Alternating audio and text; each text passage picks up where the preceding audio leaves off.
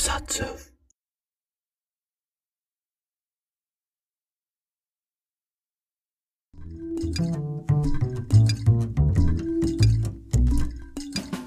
Halo semuanya, selamat datang di Tokusatsu Podcast.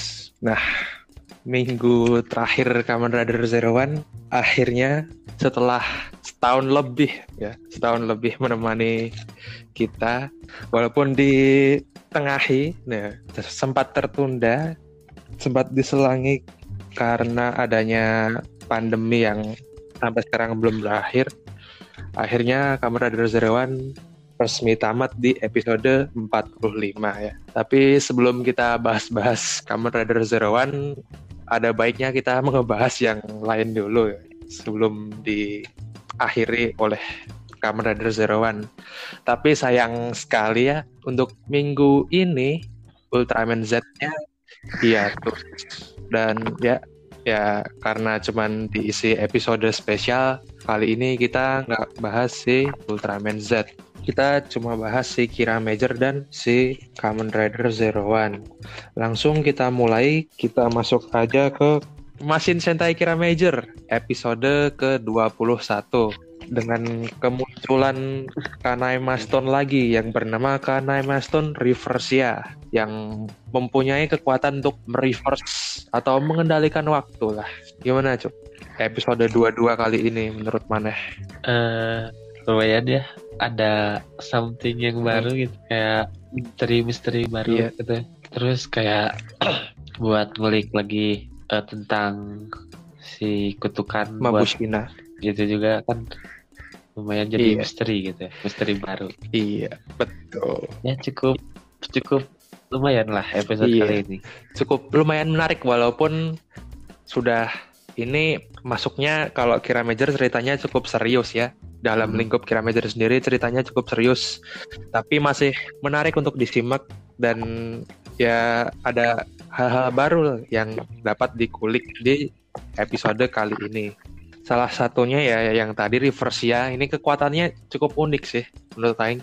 Karena kan kita dilihatkan ada lubang waktu ya, lubang waktu itu untuk memancing dari Jamenjinya, memancing orang dari masa lalu dipancing ke masa depan. ya Ya, cukup unik sih mengingat Kira Major sendiri temanya kan nggak ada sebenarnya nggak ada sangkut pautnya dengan waktu tapi ada satu item ini yang bisa memanipulasi waktu. Jadi gimana ini? ya cukup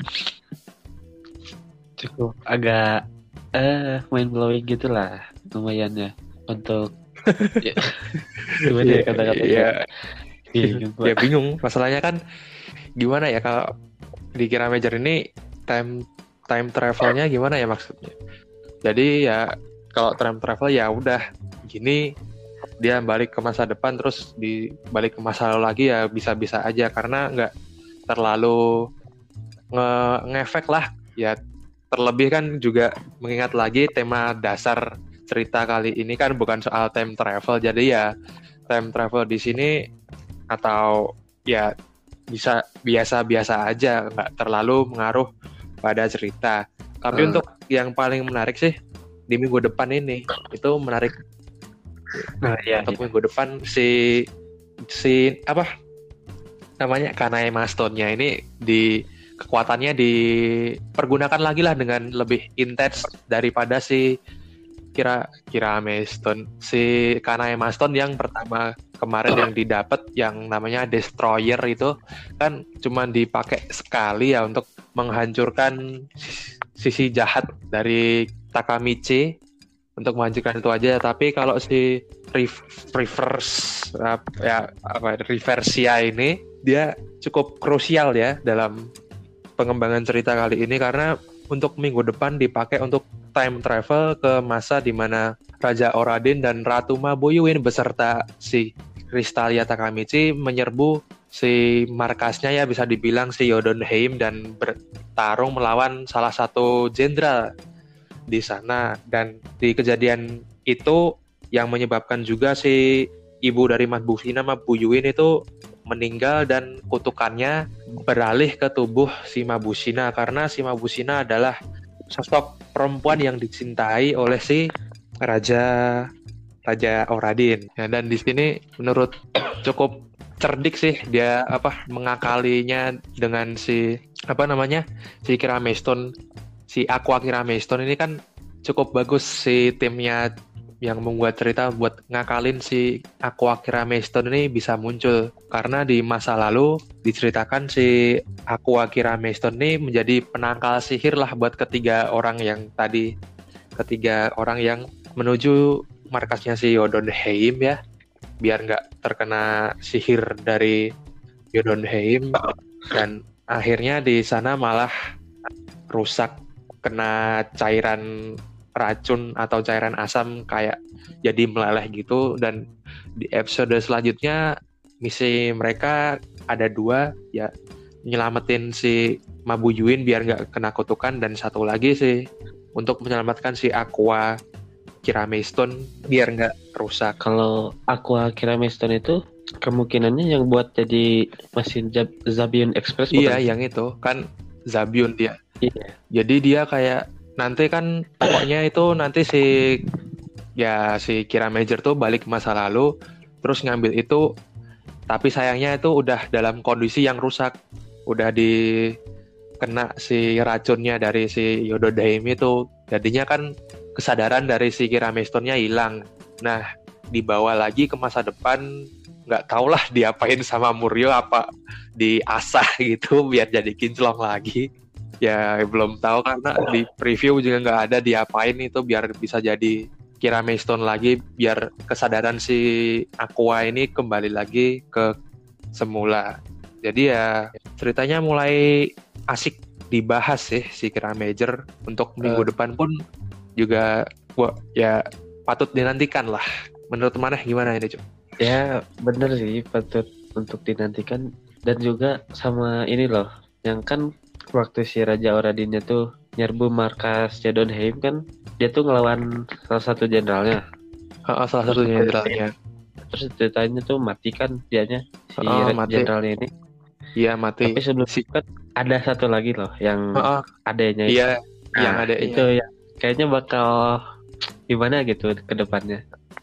Iya, mungkin di ke depannya bisa muncul ya si sosok adiknya ini. Hmm. ya karena kita mengingat lagi di Yodonheim kan selama ini kita cuma diperlihatkan ada tiga lah ya tiga sosok. Yang satu si Yodonnya sendiri yang masih misterius sampai sekarang belum kelihatan wujudnya si Yodon sendiri. Terus si Garza sama si Kuranshura. Nah hmm. ketiga orang ini aja. Nggak nggak ada yang lain-lain. Nah di episode sebelumnya yang kita flashback si Takamichi kan terus disebutin lagi sih kakaknya yang si kakak itu. Nah, untuk kali ini episode minggu ini kita dihadirkan lagi satu jenderal yaitu adiknya tadi. Jadi ya total sekarang jadi si Yodonnya sendiri, Garza, Kurancura terus sama si kakak adik ini. Jadi total masih ada, cuman ada empat jenderal dan satu bos besar mungkin si wujud si Yodon nanti kelihatan mah episode episode arc terakhir ya, ya mungkin. Uh, baru bisa iya. melihat wujud si Yodon sendiri. Ya gitu. Untuk iklan major mungkin cuman segitu yang bisa saya keluarkan ya. Untuk mungkin Ucup mau menambahi apa yang mau dibahas gitu mungkin. Eh uh, ada lagi sih. Iya, udah iya. Udah udah kelar ya? Ya udah ya cuma segitu yang bisa dibahas. Dan buat yang masih nanggung-nanggung mah kira major mah sebenarnya sih bagus tapi ya kadang turun kadang naik ya. Semuanya mah gitu. Kalau cerita nggak bisa kontan bagus terus tapi pasti ada naik turunnya. Nah kira major ini juga kadang naik kadang turun. Ya tapi ya walaupun naik turunnya masih bisa ditonton dengan enjoy lah ya istilahnya yeah. ya ya sudah kita berpisah dengan Kira Major kita wah ngomong-ngomong berpisah Oke. Okay. Ngomong-ngomong berpisah kita akan berpisah dengan bahasan Kamen Rider Zero One minggu ini ya mungkin ini terakhir kita bahas One dan selanjutnya kita akan gantikan si One ini dengan Kamen Rider Cyber disclaimer ya ini untuk yang mendengarkan di sini kita nggak ada head speech sama sekali. Kita cuman mengeluarkan pendapat lah pendapat. Ya mungkin pendapat kita beda-beda. Namanya orang kan pemikiran juga beda-beda. Ada yang suka ada yang enggak jadi ya mohon maklum ya kalau pendapat-pendapat kita berdua ini mungkin nggak nggak se-server lah sama yang kalian pikirkan untuk si Kamen Rider Zero One ini secara keseluruhan maupun secara beberapa poin lah yang menurut kita. Nah untuk Kamen Rider Zero One sendiri episode terakhir ya sebelum itu ya, saya ucapkan terima kasih ya untuk semua kru yang bertugas di Kamen Rider Zero One. Walaupun diterpa pandemi yang belum berakhir sampai sekarang, Zero One tetap berjalan dan bisa tamat dengan baik lah ya, dengan baik. Walaupun ada beberapa hal yang mungkin nggak bisa dimaksimalkan karena si pandemi ini sendiri.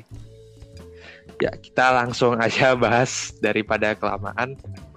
Kita langsung bahas Kamen Rider Zero One episode 45, episode terakhir. Horobi versus Zero One. Betul. Gimana gimana menurut mana ini si Horobi dan Zero One ini? Uh, ekspektasi saya ya dari minggu kemarin kayak pertarungan mereka tuh bakal dibikin epic gitu. Mm -mm. Tapi ternyata ya iya sih untuk saya untuk saya gitu cukup datar gitu ya. Buat iya, iya sih.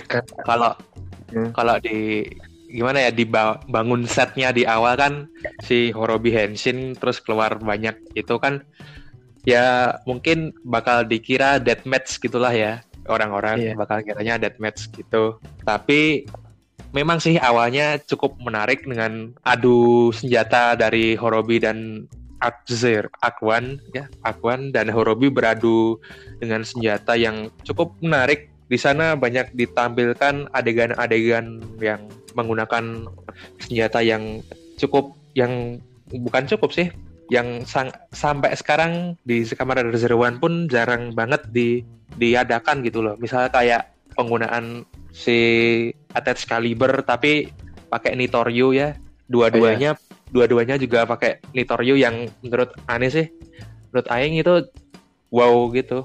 Ya. Bagus. Itu ya untuk sampai situ terus berlanjut ke apa adu-adu senjata yang attach yang lain sampai berakhir terus. Nah sampai situ yang paling bikin unlock itu pas habis turun habis apa namanya? Ya, turun lantai Am, ambles gitu, ya. Ambles lantainya gitu ambles. Nah, dari situ tuh kayak aduh itu kayak face pertarungannya tuh jadi menurun. Terus kayak gimana ya menurut? Nah, ini ini kayak gimana ya? Jadi rada rancu gitu ngomongnya ya. Jadi yeah. agak rancu. Kan setelah jatuh dari atap tadi ke lantai di bawahnya si Aruto mendadak sadar gitulah ya. Ngomongnya bisa dianggap sadar. Sadar atau mungkin ya mungkin nggak tahu ya dia pemikiran. Eh menurut Aing dia jadi menurut Aing ini ya dia di last battle ini kayak hmm, awalnya sih ragu tapi pada akhirnya sadar gitu atas wajangan dari si Hiden Soreo kan kita diperlihatkan di scene pas si Aruto ngegem menggegam si Prokraskinya Zero Two terus kan dia terhubung ke Zaya lagi ya yeah. terus di sana ada si bapaknya si Aruto si Soreo me mengungkapkan ngasih wajangan lah kalau untuk yang menjadi seseorang yang kuat itu nggak cuma harus kekuatannya aja, tapi hati itu juga penting untuk menjadi seseorang yang lebih kuat. Nah mungkin di situ Aruto dilanda dilanda shock yang lebih besar lagi setelah kemarin ngebu ngebunuh si Jin ya. Jadi shocknya agak ngedo ngedouble gitu lah ya ngomongnya. Iya. Jadi mungkin mulai tersadar tapi belum masih ragu untuk gitu ya. Terus kan di pas setelah anjlok dari lantai dari paling lantai paling atas kan terus dia mau ngebulatin tekadnya untuk ngebuang senjatanya terus mencoba dalam tanda kutip mengalah ya dalam tanda kutip mengalah untuk diserang oleh Horobi. Nah sebenarnya ini nggak terlalu jelek sih ya kalau menurut Aing ini ya gimana ya biasa tapi cukup mereferensikan si Kamen Rider itu sendiri yang yang di awal-awal yang memang Kamen Rider ini di, di, dirancang oleh Shotaro Ishinomori ya kalau nggak salah. Correct me if I'm wrong ya. Kalau nggak salah kan Kamen Rider ini diciptakan oleh si Shotaro Ishinomori. Dia itu konsepnya awalnya tuh pahlawan kesedihan. Jadi pahlawan yang menyimpan rasa kesedihan. Jadi nggak cuman hmm. power nggak cuma power tapi dia itu punya luka di hatinya yang seseorang yang ke pokoknya kan Kamen Rider kebanyakan gitu.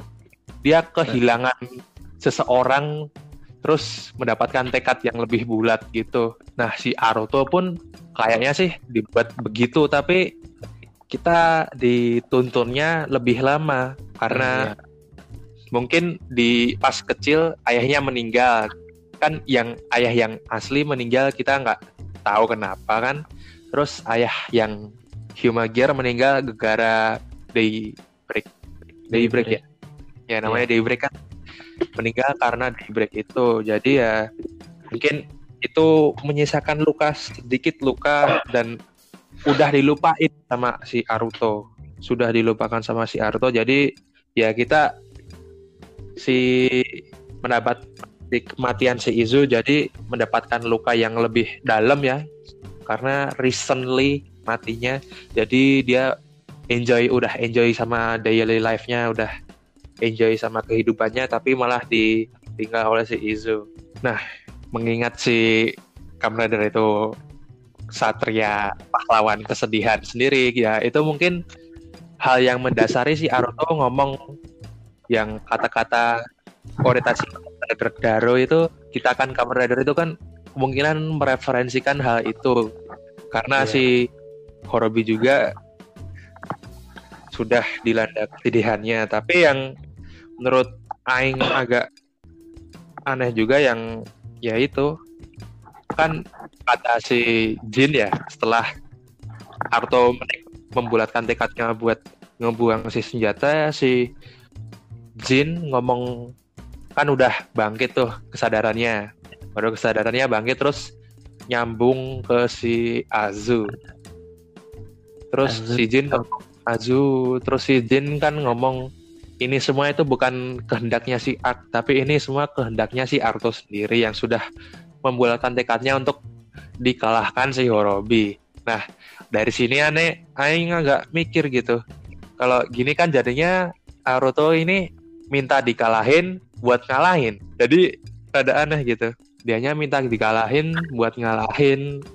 Ya muter-muter gitu polanya. Hmm. jadi ya rada gimana gitu. Tapi tapi ya, overall sih untuk referensi Kamen Rider-nya sendiri dari yang namanya pahlawan kesedihan sendiri dapat sih. Tapi untuk perkembangannya sampai sekarang sih rada kurang paling sih yang bisa yang omongin sih ini Kamen Rider Zero ditutup dengan bagus tapi cara menutupnya yang kurang bagus.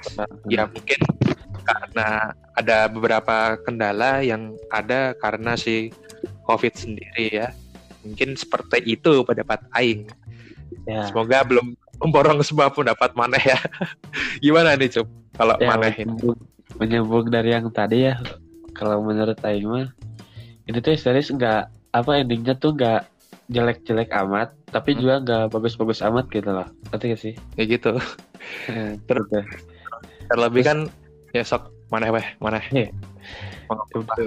jadi kan kalau melihat ke belakang gitu di seri-seri sebelumnya kebanyakan tuh ditutup kan dengan epic battle lah katakan istilahnya.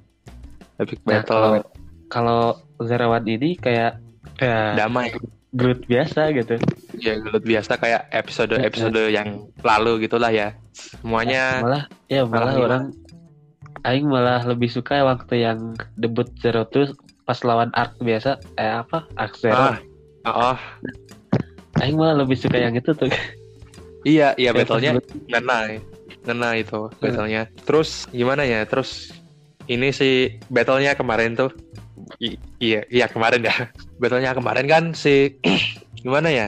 Si background suaranya yang dipilih mana enggak nggak yang dipilih kan untuk kelas battlenya mereka pakai yang trompet gitu Ya. Ya itu kayak menurut Aing ya itu kurang ngena sih buat last battle gitu. Kan Oh, biasanya iya. buat last last battle gitu kita terutama Zero One ini kan lagunya agak ngerok gitu ya kan buat ngebangun tensinya si last battle ini kayaknya cukup bagus dibanding dengan orkestra orkestra orkestra trompet yang dipakai di episode 1 juga yang tererererererer gitu Oh iya. ya kan itu kita udah sering ngedengernya jadi ya kita agak kurang kena impactnya gitu ya kalau si opening kan mungkin kalau orang-orang yang nggak nonton live kan kebanyakan di skip Hmm. jadi jarang ngedengerin nah kemungkinan ya itu kalau pakai opening bisa mungkin bisa membangun tensinya lebih tinggi lagi Ya. tapi ya kalau ka- terus kan berlanjut ke habisin itu kan ternyata endingnya dipakai di apa kok endingnya dipakai ternyata openingnya itu dipakai di ending malahan ya Yang Sebenarnya ya- damai-damai ya. Heeh. ya itu sebenarnya juga agak gimana ya itu opening dipakai di ending pas tapi ini jadi gimana ya kayak si Zero One ini insert songnya itu malah nggak eh mana pernah dengerin insert insert insert insert song yang di Zero One nggak sih insert song Yang- yang misal yang kayak kemarin si Zio punya insert song time the time of king gitu guys punya Oh, iya, sendiri. kayaknya di sini nggak ada ya? Oh iya nggak ada. Kayaknya. Gak pernah dengar ada sih. kayak Hmm. kayaknya nggak nggak ada ya kayaknya. Ya mungkin itu juga yang ngebuat jadi agak kurang sih menurut Aing. Kekurangan sound soundtrack gitu. Jadi soundtrack dia cuman yang orkestra doang. Jadi untuk menutup ini mungkin Aing kepikiran sih pakainya yang lagunya si Rewa First Generation. Kan tuh Oh. lagunya santai gitu. Mungkin Heeh. ya kan juga lagunya santai tapi feel-nya ngena gitu. Mungkin ya bisa dipakai. Terlebih kan si bapaknya Naruto juga muncul kan di akhir. Ya mungkin itu bisa mendapat impact yang lebih tinggi dari serinya di akhir-akhir. Iya. terus si ending ya nggak apa menyangkut paut ending lagi yang dibilang berbeda dari seri-seri sebelumnya kan di Zero One ini endingnya mereka berdamai ya istilahnya dalam tanda kutip berdamai. Nah ini berdamai mereka damai ini kan beda dari seri-seri sebelumnya yang kebanyakan si villainnya tuh mati dead battle terus mati ya. Sekarang kita diberi ending yang damai di masing-masing dunianya sendiri damai mereka. Ya berdamai dalam kedamaian itu kan sebenarnya melambangkan si eranya Reiwa sendiri yang damai gitu. Artinya Reiwa dari kata Heiwa yang berarti kedamaian mungkin. Ah, baru tahu gue. baru tahu. Ya itu mungkin re- referensinya dari itu sih mungkin karena mereka mereka tim-timnya Zero One pengen menunjukkan kalau ini itu era Reiwa, eranya kedamaian, bukan eranya lagi buat bentrok-bentrok lagi. Mungkin mereka pengen menekankan itu di ending Kamen Rider Zero One ini untuk menegaskan lagi karena ini Kamen Rider pertama di era Reiwa. Gimana? Udah, sudah. Sama Semua ini keluar. dong. Episode terakhir Pandai masuk terus. Gimana? Episode terakhir item baru. Wah, mantap Wah sekali. itu kan. itu sebenarnya gimana ya membuat si masalahnya kurang dijelasin sih di episodenya. Nah, masalahnya sebenarnya itu si realizing hopper ya namanya susah sekali. Si realizing hopper ini sebenarnya gabungan ya boleh nggak sih? Ya ya gampangnya istilah gampangnya sih gabungan dari perasaannya dan kekuatan si Hiden Soryo dan si Aruto sendiri. Kan kita bisa ngeliat tuh si efek efek-efek garis-garisnya itu. Kalau jeroan jerang itu ada warna birunya. Itu warna birunya itu diambil dari si Ichigata, Ichigata jadi ya. jadi itu melambangkan si kekuatan si bapaknya Aruto sama si Aruto sendiri nah kurangnya ini shootnya itu cuman itu cuman shootnya sih nggak di repaint apa Orang- gitu Eh, orang sih pas awal mikirnya itu tuh kayak Zea tapi versi lightnya gitu loh. Ah, Kan versi yang gede gak ada nih. Oh iya, Iya. ini versi lightnya. ah iya iya kan banyak orang-orang juga buat buat apa ya ngomongnya buat buat prediksi lah ya. Ini namanya nanti Kamen Rider Zero One Progresski Kamen Rider Zero One Progresski terus ternyata namanya Rising Hopper Realizing Version. Iya. Nah. gitu sih. Rada gimana gitu. Masalahnya warnanya sama bentuknya sama. Cuman kata orang dalam sih ya kata orang dalam ini catnya ditambahin coating lagi biar warnanya itu lebih kinclong lebih metalik. Tapi ya nggak nggak terlalu kelihatan bedanya. Katanya cuman gitu ditambah cat biar lebih kinclong gitu. Tapi ya pas syuting kan kita nggak ngelihat itu bedanya apa. Mungkin ya gitu. Mungkin ya kalau bisa mah kan karena ini pergabungan dari kekuatannya Ichigata dan Zero One mungkin si warnanya bisa ditambahin aksen-aksen warna Ichigata sedikit gitu. Oh, iya. Mungkin Iya. bisa pakai base base-nya si apa gitu. Mungkin dikit base dari form-form sebelumnya digabungin kayak si Axe Scorpion. Kan penggabungan dari tiga suit yang dipakai buat dipakai si Seiji Tak- Takaiwa buat meranin di Zero One ini dia tiga suit dikombinasikan jadi satu. Ya mungkin kenapa nggak gabungan dari Zero Two dan Zero Zero One Racing Hopper gitu ya digabungin bi- biar jadi form yang baru ya gitu mungkin Iya, itu aja sih. Terus hal yang terakhir deh, hal yang terakhir kemunculan si Kamen Rider Eden Oh iya. kan dibuat nyambung ya sama movie Kamen Rider Eden di summer movie yang ditayang di kala winter. Ah. Siap. Siap. Ini bikin aing sih mikir lagi. Ini yang bikin gimana ya? Wah. Ini kamera One deh. Sebenarnya dia ngangkut tema tema teknologi atau tema yang gaib-gaib gitu. Masalahnya kan kita kembali lagi di episode-episode lalu di mana Izu ngejelasin kalau art ini bisa hidup di mana hati seseorang itu ada kejahatan. Tapi tapi sekali lagi kan kita ingat lagi kan art itu basicnya AI kecerdasan buatan dari namanya aja kecerdasan buatan. Nah kan kalau ditelisik lagi mungkin nggak sih kecerdasan buatan tuh masuk ke hati kita kan kalau dinalar manusia biasa kan nggak mungkin gitu Iya. ya, Ya, jadi ya, ya. gitu, aneh gitu ya nggak mungkin gitu untuk sebuah kecerdasan buatan bernaung di hati seseorang. Nah kalau untuk kasusnya si Aruto mungkin kalau aneh aing itu pikir-pikir lagi dia bisa kerasukan art gara dia tuh Kamen Rider. Jadi kan dia bisa masuk ke Zea kan tuh. Iya. terlebih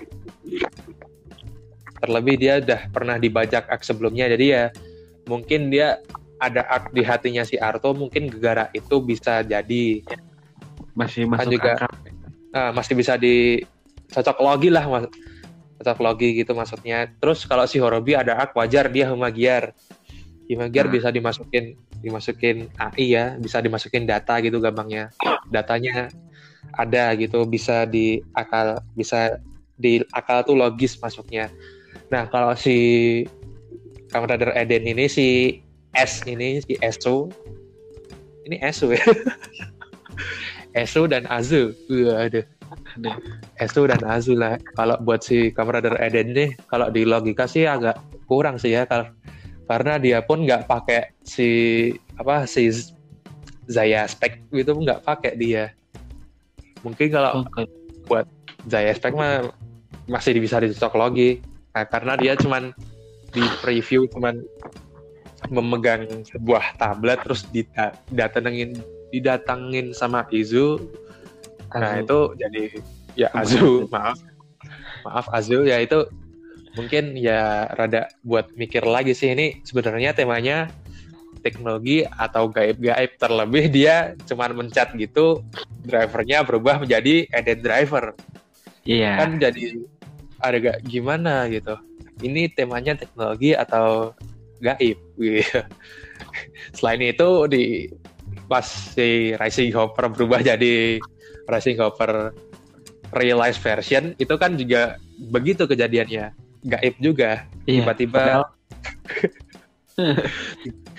tiba-tiba progresinya bercahaya terus berganti warna gitu kan aneh gitu kalau mengingat ini seri ya awalnya dibangun dari basic yang teknologi banget Iya. terus terlebih juga tim-timnya udah riset riset riset gitu kan udah baca gitu. Aing baca tadi kan tim-timnya ini udah percobaan riset sampai ke 3D printer yang paling masif di Jepang sampai ke perusahaan AI lah inilah itulah. Jadi ya kayak effort tim di belakang ini kayak percuma gitu. Dihancurkan sama hal-hal yang istilahnya ins- instan gitu. Iya. Terlebih kan kayak sama si Aruto juga manusia gitu. iya Kok bisa ah gitulah.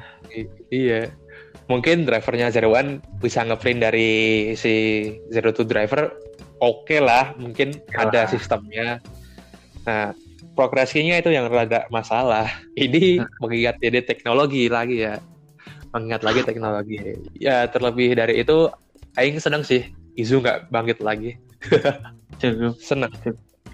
Seneng Izu nggak bangkit lagi. Jadi si penulis ini konsisten dengan apa yang sudah diucapkannya di pertengahan episode saat signing Hopper debut. Si Yumagiar tipe asisten CEO-nya Hidan nggak bisa di backup datanya. Dia dia jadi si Bapak Iga Takahashi ini memegang erat konsep itu. Jadi nggak diubah-ubah seenak jidat. Tiba-tiba Izu bisa bangkit dengan memori yang ke restore.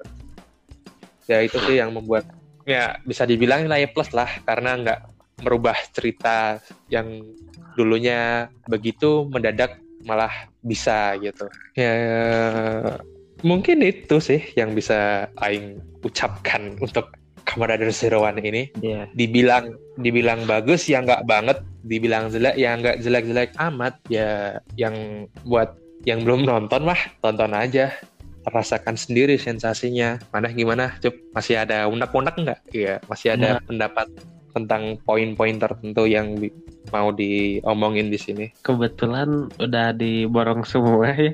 Jadi saya bingung mau ngomong apa ya. Ya gitulah. Udah mungkin ya cukup. udah cukup ya. Iya. cukup. Ya mungkin itu aja. Untuk Zero One oh ya ini terakhir terakhir ini. Kalau disuruh ngasih rating ini One mau ngasih rating berapa mana Ah pribadi ya.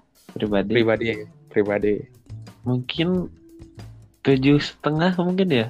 Hmm, hmm, tujuh setengah ya Tujuh setengah. Tidak terlalu buruk. enggak enggak buruk tujuh setengah itu udah baik Kalau di sekolah juga. itu udah KKM. Iya, KKM ya tujuh setengah ya. KKM. udah naik kelas udah udah naik kelas ini mah Ya. udah naik kelas ya mungkin Aing juga sama sih mungkin ya sekitar tujuh setengah sampai delapan sih untuk Kamen Rider Zero One ini. Mengingat si Kamen Rider Zero One ini membawa beban yang sangat berat sih menurut Ane ini Aing ini. Iya. Membu- membawa beban Kamen Rider pertama di era yang baru.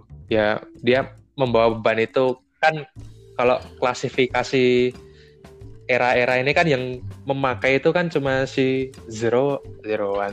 Cuma Kamen Rider gitu loh pengklasifikasian menurut era-era kan kalau Oh, kita iya, iya. lihat di franchise-franchise sebelah Sentai sama Ultraman kan mereka nggak terlalu menonjolkan ini Ultraman era Rewa, ini Sentai era Rewa pertama kan enggak. Mereka cuman menonjolkan ini apa, ini apa. Dia nggak menonjolkan era lah ya. Iya, Tapi ya udah, bodo amat mau para fans mau klasifikasi ini era, era yang mana ya terserah para fans. Itu buatan fans sendiri kalau yang official mah ini ya udah ini cuma ya. lanjut lanjut aja gitu nggak Hmm. nggak terlalu ter- terbebani lah dengan gelar first rider di era yang baru Saber gimana pak? buat Kamen Rider Saber sih buat sekarang belum bisa ngomong apa-apa kan cuman di previewnya sendiri pun dari Kamen Rider webnya Kamen Rider pun belum update mengenai Saber. Yang pertama itu. Terus di webnya TV Asahi si Saber ini juga nggak dikasih update mengenai scene-scene poin-poin yang penting untuk next episode. Cuman dikasih yang yang aneh upload di IG kemarin tuh cuma tiga foto itu yang ada di Ah, webnya iya. TV Asahi cuma tiga tiga biji itu yang menunjukin Toma megang Wonder Light Book terus Toma sama si heroinnya yang Mio namanya siapa Mio. itu nah Mio apa ya? Nah itulah. ya itulah belum hafal ya Iya. ya itu cuma nunjukin dua orang itu melongoh gitu takjub dengan Wonderworld gitu ya untuk sekarang belum bisa ngomong apa-apa mengenai Saber ya tapi ya patut dinantikan ya kesegaran Kamen Rider Saber ya mungkin cukup sudah ya perbincangan kita pada episode kali ini terima kasih buat yang udah dengerin dari awal sampai akhir Terima kasih untuk kalian yang sudah mendengarkan podcast kami dari awal sampai akhir.